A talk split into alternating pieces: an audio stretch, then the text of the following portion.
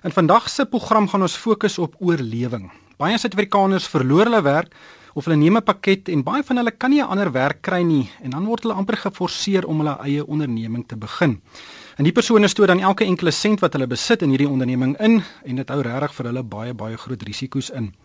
En ek gaan met uh, Elma Darlington gesels wat juis in hierdie bootjie was. Sy is in 2007 afgedank en sy het toe as 'n enkel ma met twee kinders 'n onderneming in haar garage begin. En vandag besit sy 'n uiters suksesvolle besigheid wat merk wat werk aan meer as 15 werknemers gee. En ons gaan by haar hoor hoe sy dit reg gekry het. Ek sal met Gerry van Biljon van Business Partners gesels oor die belangrike besluite wat Alma geneem het en hoe mense te werk moet gaan om 'n onderneming om 'n onderneming te begin as hulle hulle inkomste verloor het. Dan gaan ons ook kyk na 'n baie gewilde tipe onderneming en dit is 'n franchise. Uh, hierdie ondernemingsvorm is gewild um, omdat statistiek wys dat die voordele van 'n franchise gewoonlik die nadele oortref en dat heelwat minder franchises vou as wat die geval is met ander ondernemings. En ek gesels met Madeleine Rousseau wat saam met haar man twee Wimpy restaurante in Mafikeng besit en ek gaan met haar gesels oor hoekom hulle besluit het om eerder 'n franchise te koop as om hulle eie restaurant te begin. En dan gesels ek met Farid Breintjies, hy self 'n entrepreneur en 'n franchise kenner uh, oor Madeleine se suksesverhaal asook die geleenthede en slaggate van verskillende franchises. Maar kom ons begin by die inspirerende storie van Alma Darlington. Sy is die stigter en eienaar van Excel Recovery Services. Um Alma, welkom by die program. Vertel ons 'n bietjie van jou besigheid.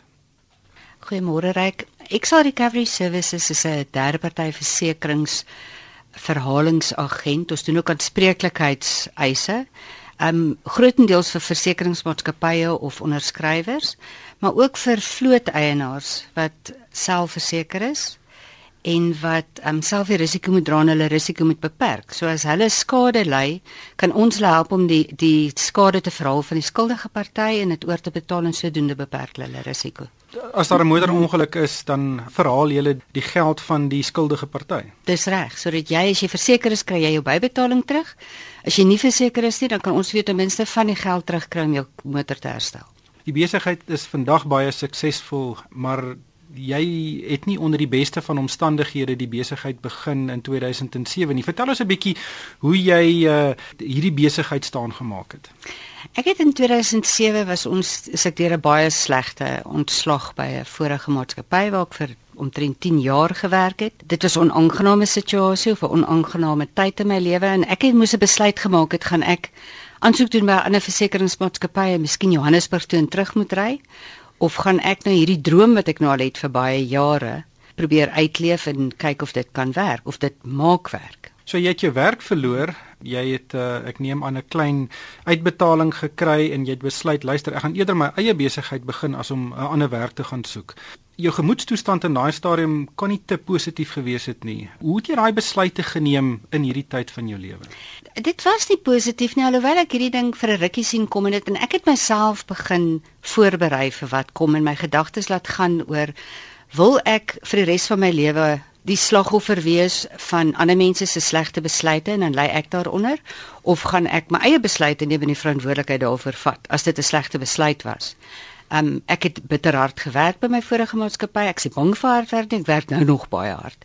En enige iemand wat hulle eie besigheid begin moet weet, jy gaan baie baie hard werk. Ek het 'n prentjie in my kop gekry. Ek het gefokus daarop. Ek het besluit dis waarna toe ek gaan werk. In die begin het ek dit gedoen en ek het besluit ek moet vir myself kan sorg. Ek was 'n 'n enkel ouer, ek het twee kinders gehad waarvan een 'n student was en die ander nog op skool. So daar's geen beter motivering as jy eie besigheid begin as om te weet net jy is verantwoordelik vir daai geld vir die einde van die maand moet inkom, nê. Maar jou besigheid was basies uh, 'n uh, voortsetting van wat jy gedoen het by jou vorige maatskappy. Dis reg. Ek het met verhalings begin by die vorige maatskappy. Daar het nie so iets bestaan nie. Um, ek het geweet daar's 'n mark hiervoor. Ek het geweet of ek het 'n baie sterk vermoede gehad want ek het nooit marknavorsing gedoen nie. Ek was mos nou in 'n gemaklike situasie waar ek elke maand 'n goeie inkomste verdien het, maar ek het geweet daar moet 'n mark wees daar buite want daar was een maatskappy wat ek van geweet het wat so, iets soortgelyks gedoen het. So toe ek nou sonder werk sit, het ek gaan gesels met mense in die mark. Ek was gelukkig vir die vorige 25 jaar al in versekerings. So ek het redelik mense geken in die mark. Met hulle gaan gesels En hulle letterlik gaan spreek om my 'n geleentheid te gee om vir hulle te wys wat ek kan doen, want ek het geweet dit wat ek kan doen, doen ek baie goed. En ek weet ons kan 'n baie groot sukses daarvan maak. Ons het so groot sukses gemaak van dit by die maatskappy waar ek was, dat die versekeringsmaatskappy vir ons kom vra het hoe doen ons dit want hulle kon dit nie regkry nie. So ek het geweet ek het 'n suksesresep. Maar vertel ons van daai eerste 6 maande. Dit is uh weet in enige onderneming is dit 'n kritieke tydperk. Hoe lank het dit jou geneem om weet jou eerste sent wins te maak? Um en en wat het jy gedoen weet om daardie uh, die wins te maak? Uh, vertel ons van daai eerste 6 maande. Mag ek oor dit was hel? As ek nie mag gee dit kan uit dit. Um dit was baie moeilik geweest. Ek het gegaan en besluit dis 'n baie groot risiko of ek het besef dis 'n baie groot risiko. Ek het geweet ek staan 'n kans om alles wat ek het te verloor want die geld wat ek um, gekry het uit die skikking uit met my vorige maatskappy was definitief nie genoeg om my te finansier vir 6 maande nie. So ek het die eerste 6 maande regtig waar geleef op dit wat ek beskikbaar gehad het in my verband, my kredietkaart. Dit was bang tye geweest, maar ek het die fokus gehad en ek het gefokus op waar ek gaan wees oor 6 maande of oor 'n jaar of oor 5 jaar en myself die heeltyd in daai gemoedstoestand gehou dat ek positief is en die prentjie sien van waar ek gaan wees. So ek het myself gemotiveer en ek dink dis baie belangrik as jy vir jouself gaan werk. Niemand gaan jou ooit op die skouer klop en sê jy het goed gedoen nie. Niemand gaan vir jou moed inpraat nie. Jy moet dit vir jouself kan doen. En as jy nie dit kan doen nie, dink ek gaan jy baie groot probleme hê as jy jou eie besigheid het. Wanneer het jy besef, luister, hierdie ding werk, hierdie hierdie hierdie skip begin nou seil. Wanneer het daai besef tot jou deurgedring? Met 'n eerste kliënt gaan gesels en hulle het vir my gesê hulle sal vir my 'n geleentheid gee om dit te doen want nou ek het geen statistiek gehad wat waarop ek dit kon baseer en sê dis wat ek gedoen het. Ek het dit gedoen by 'n vorige maatskappy, maar nie in my eie hoedanigheid soos ek nou doen nie. Daar was geen basis waarop ek my fooi struktuur kon baseer nie. Ek dit was regtig waar tref en trap probeer en kyk wat werk. En as dit nie werk nie, moet ek teruggaan na my kliënte toe en vir hulle sê hierdie werk, ek moet julle meer geld vra of wat die geval ook al is. Maar toe ek het vir hulle begin sukses behaal. Hulle is so ongelooflik gelukkig met wat ek hulle weet vir hulle doen.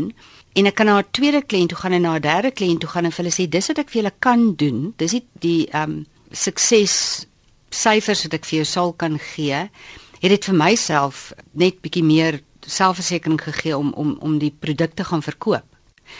Ek dink die eerste wat ek gedink het ek dink ons gaan hierdie ding baie suksesvol kan doen is toe ek een van ons groot versekerings in my kant kry en ek kon vir hulle begin werk.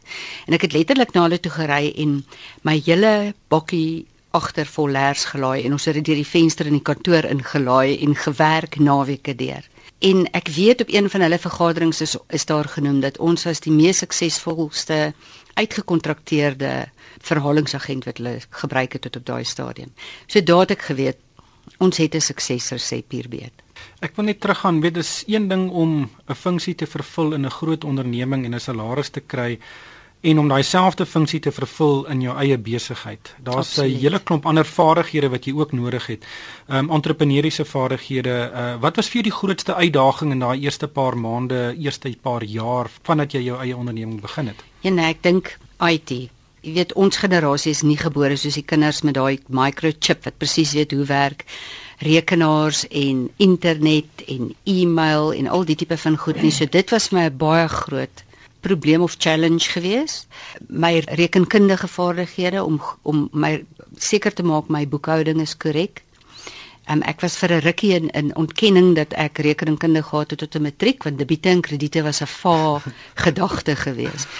Maar ek moes dit alles weer gedoen het um, om te gaan bemark. Was nie so groot want ek is 'n mensemens. Ek hou van mense en ek glo in my produk so ek kan met iemand praat om te netwerk ek het op 'n stadium besef dat 'n baie baie groot leemte is is dat ek nie netwerk in my industrie nie. Mense ken my, hulle weet nie van my nie, hulle weet nie wat ek kan doen nie. En dit was vir my baie erg om by 'n vreemde funksie in te stap en myself aan iemand te gaan moet voorstel en vir hulle te sê wat ek doen. Hoe lank het dit vir jou geneem om jou eerste werknemer aan te stel? 4 maande so 4 maande nadat ons begin het, moes ek iemand aanstel want toe is die werk te veel vir my om effektief alleenig te doen. En dit was ook 'n vreesaanjaende gedagte om te dink nou is iemand anders my verantwoordelikheid want ek moet hulle eers betaal voor ek myself kan betaal. Maar ek het ook besef dat as ek dit nie doen nie, kan ons nie aanbeweeg nie. En vandag het jy 16 uh, mense in jou diens. Dis korrek. Het jy ooit aan die begin gedink jy gaan 'n besigheid van daai grootte kan opbou? Deel van my prentjie was 12 mense en toe ek eendag my oë uitvee toe sien ek daar's 15. Ek weet nie heeltemal wanneer dit ons by daai en verbygegaan en ek het dit gemis nie. Wat is die, uh, die die grootste foute wat jy gemaak het? Weet as mense 'n nuwe onderneming begin, ehm um, veral as dit jou eerste onderneming is, dan maak 'n mens foute. Wat dink jy is die grootste foute wat jy gemaak het en hoe hoe het jy dit oorkom? Ek dink een van die grootste foute wat ek gemaak het is om baie aan my werk, om aan die besigheid te werk in plaas van in die besigheid of in die besigheid te werk in plaas van aan die besigheid. Um en jy raak so betrokke by die dag tot dag bedryf en bestuur van die besigheid dat jy nooit terug staan en kyk wat is die risiko's wat jou besigheid bedreig nie. Een van my grootste foute was dat ons op 'n stadium twee baie groot kliënte gehad het en baie min kleiner kliënte en dat ek het een van my groot kliënte verloor en ewe skielik sit ek met te veel mense en te min werk. So wat ek daaruit geleer het is om die hele tyd terug te staan en om seker te maak dat jy jou risiko versprei, dat jy jou groot kliënte het want dit is jou jou slaghaar, maar dat jy ook genoeg kleiner kliënte het en dat jy hulle spesifiek en baie goed behandel en vir almal dieselfde hoeveelheid of dieselfde kwaliteit diens gee. Vir baie dankie Alma, dis regtig 'n inspirerende storie en uh, en sterkte met die toekoms. Uh, Daar's min mense wat reg gekry het wat jy gedoen het. Baie dankie. Gerry van Biljon van Business Partners is nou op die lyn. Uh, Gerry, ehm um, dis werklik 'n inspirerende storie hierdie. Wat is die sukseskoers van mense wat afgedank word of pakkette vat um, en dan uh, basies in 'n hoek gedwing word om hulle eie ondernemings te begin? Ja, ek dink mense wat ehm um, in 'n hoek gedryf word, ehm um, het nie veel van 'n keuse maar om 'n sukses daarvan te maak nie en en dit wil vir daai mense al in 'n laat ehm um, ouderdom en ehm um, hulle moet nou van voor af eintlik weer begin. En dit word kry hulle nie werk in hulle ehm um, in hulle veld nie en hulle word gedwing om 'n eie besigheid te begin. So die benadering is is dikwels baie anders want deur druk uh, beteken dit daar's 'n uh, ehm, groter risiko en uit die aard van die saak werk die mense harder. Ehm um, wat op die einde van die dag beteken 'n groter kans vir vir sukses. Gelukkig ook meeste van daai mense wat ehm um, 'n paar jaar aan gewerk het, het op 'n of ander manier ehm um, ondervinding opgedoen al is dit net lewenservaring. Wat natuurlik ook 'n groot voordeel is in in 'n bestuur van 'n besigheid. So ons vind dat mense wat in dieselfde rigting bly as wat hy in opgelei is, het 'n baie goeie kans om sukses te maak van van daai van daai besigheid. Dis soos Alma gedoen het. Sy eh, sy was 'n skoenmaker en sy het daar by haar lees gehou Ehm um, sy het gefokus op wat sy weet. Sy het nie bloot 'n koffiewinkel in 'n winkelsentrum gaan oopmaak nie. Dit is baie ryk, dit is baie wys. Ehm um, om om dieselfde ding te doen wat jy in ondervinding het, het jy 'n baie baie beter kans op sukses. As iets wat jy nou heeltemal nie van begin, wat jy nie wat jy nie 'n idee van het nie, jy het nie eens 'n gevoel daarvoor nie.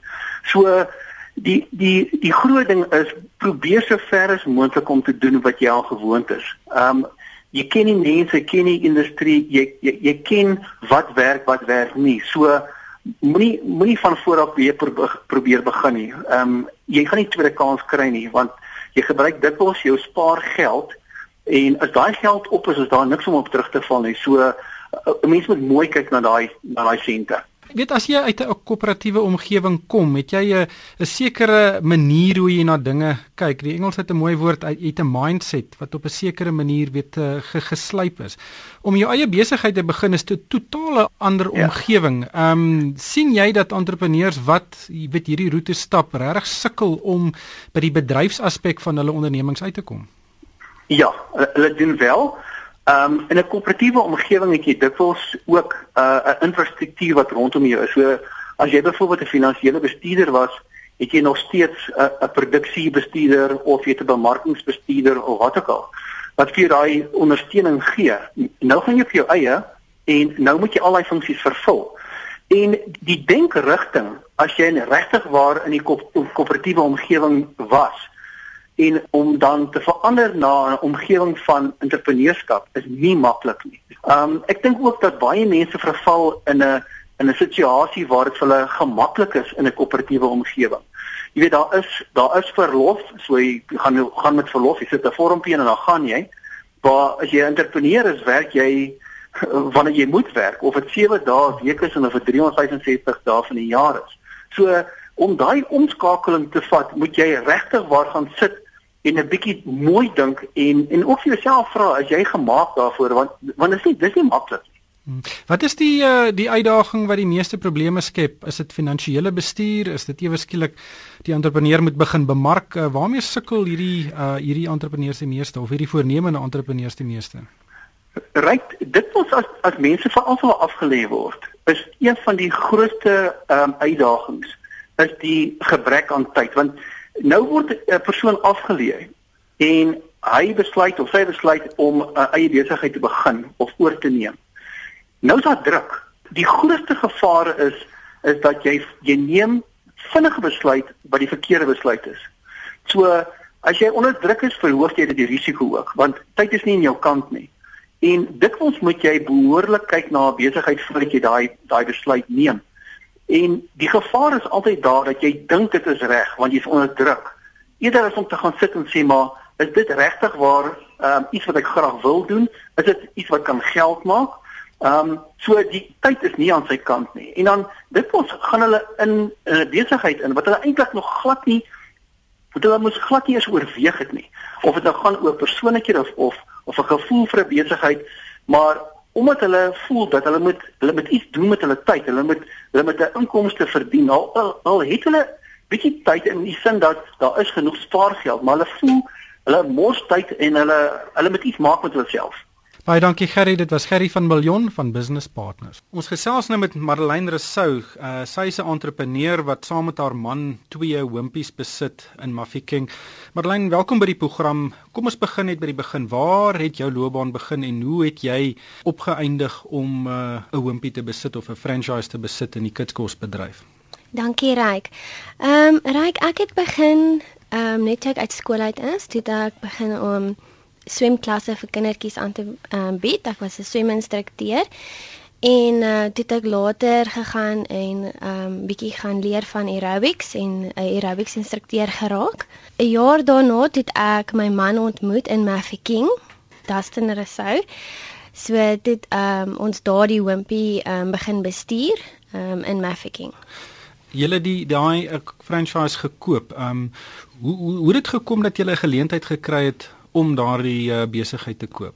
My skoonpaale bly in, in Magaliesberg. Ehm um, hulle het die oompie in Magaliesberg gekoop en die franchise bestuurder daar het ons vertel van 'n geleentheid in Mafeking om 'n oompie te koop. Ons het toe gaan kyk en ehm um, ons het besluit om dit te koop en 'n paar jaar daarna toe het daar 'n mall oopgemaak in Mafeking, uh die Mafeking mall en ons het toe daar 'n wimpie oopgemaak. So jy het 'n tweede ene begin. 'n Tweede ene ja. Die eerste besigheid wat jy gele gekoop het was nie in die beste van 'n uh, finansiële toestande nie. Hoe het jy hom toe omgedraai sodat hy suksesvol is?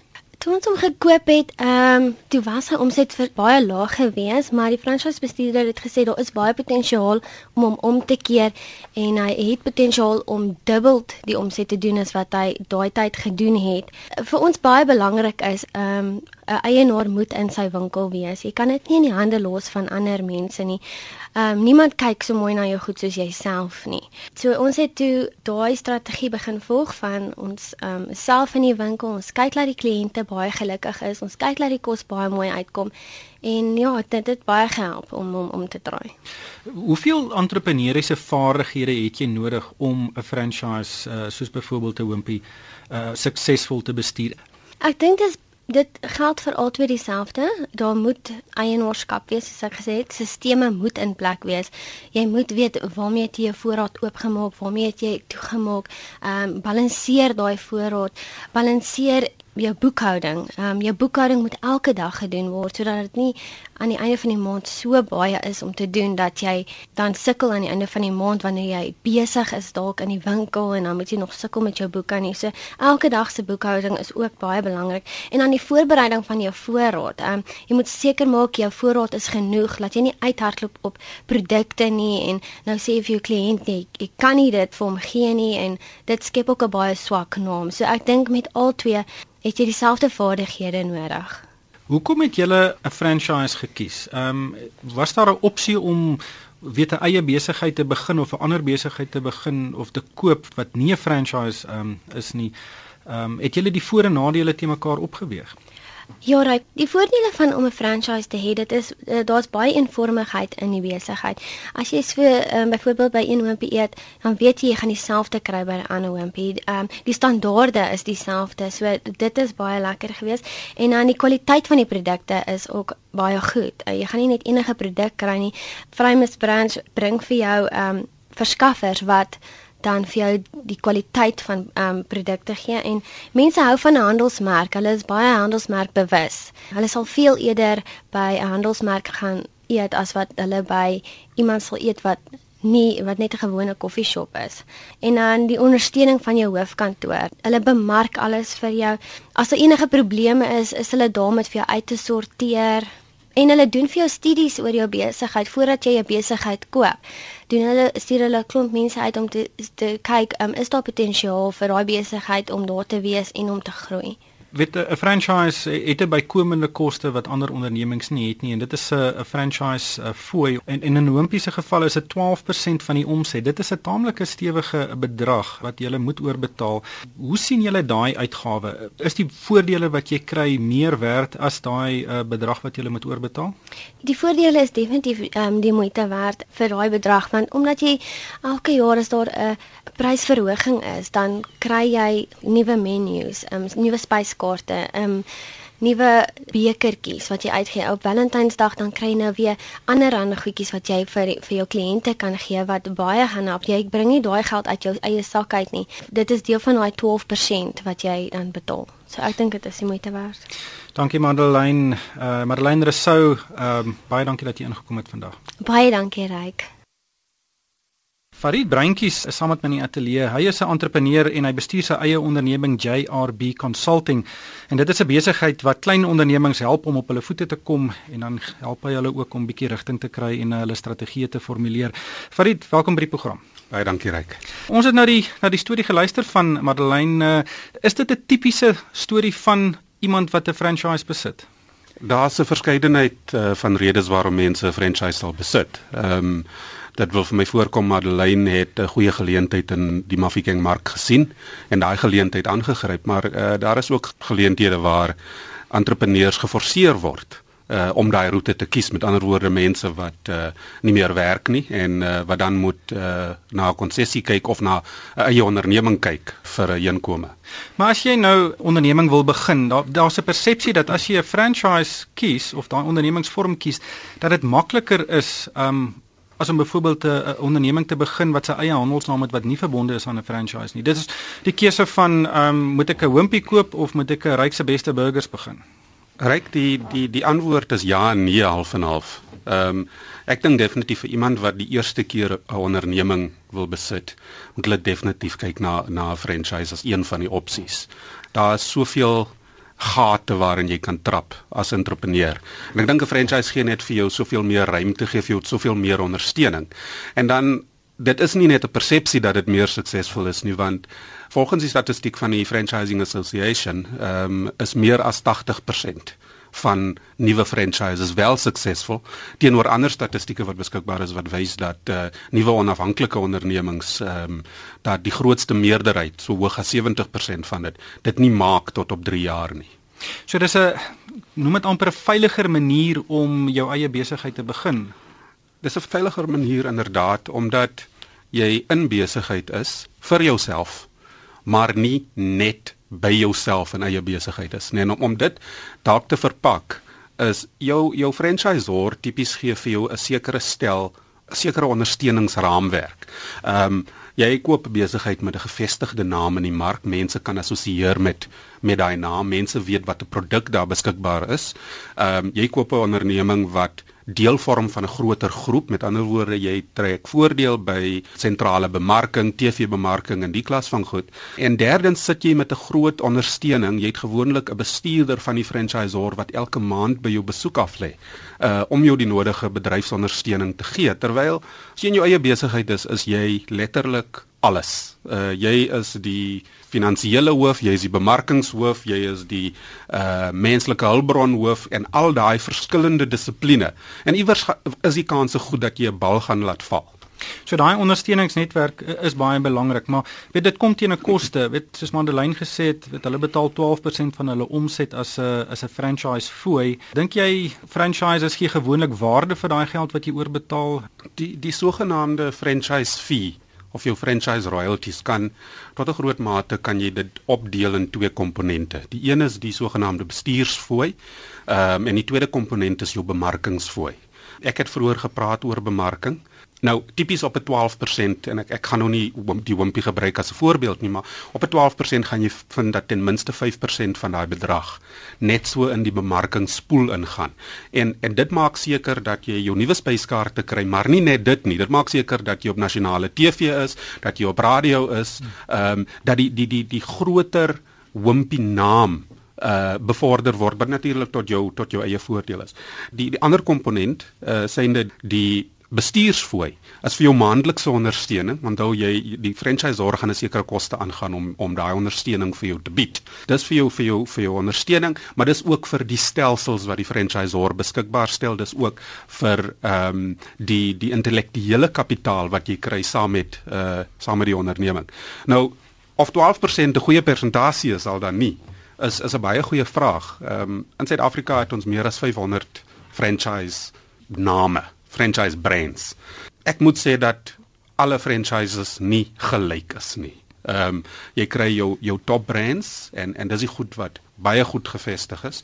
En dan kry jy goed wat Dis nou tipies jou wimpies uh, steers, ehm um, jou wimpies, jou steers, jou ja, ja daai en dit dis oorwegend verteenwoordig deur jou deur jou jou jou kitskosmark.